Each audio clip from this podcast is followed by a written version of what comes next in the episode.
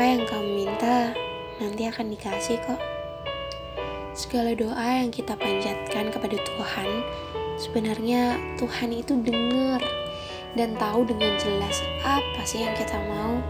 But sometimes kita sebagai hambanya tuh ngerasa kalau doa yang belum dikabulin itu semua karena nganggepnya Tuhan gak denger Tuhan gak ngabulin Tuhan gak adil sampai ngerasa Tuhan tuh gak sayang.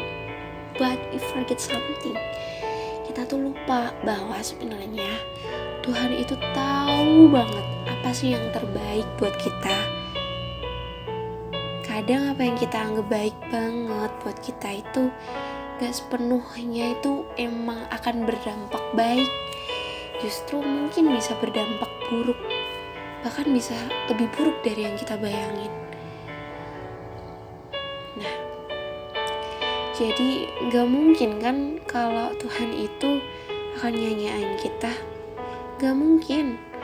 Toh kita aja diciptakan dengan bentuk sebaik-baiknya dibandingkan dengan makhluk yang lain. Kita tuh sempurna loh dari yang lain. Masa iya kita mau disia-siain sama Tuhan?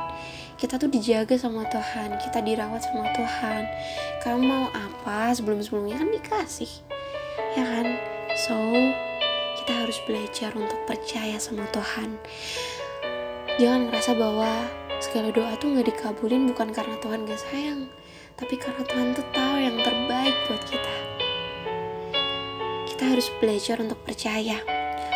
Serahin aja semuanya sama dia semua sama Tuhan. Tugasnya kita tuh cuman belajar berdoa usaha dan hasilnya itu adalah urusan Tuhan bukan kita manusia.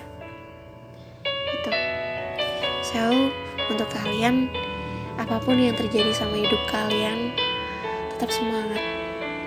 Jangan ngerasa nggak adil sama hidup. Karena Tuhan itu beneran tahu kok yang terbaik buat kita. Percaya aja dan usaha usaha yang terbaik.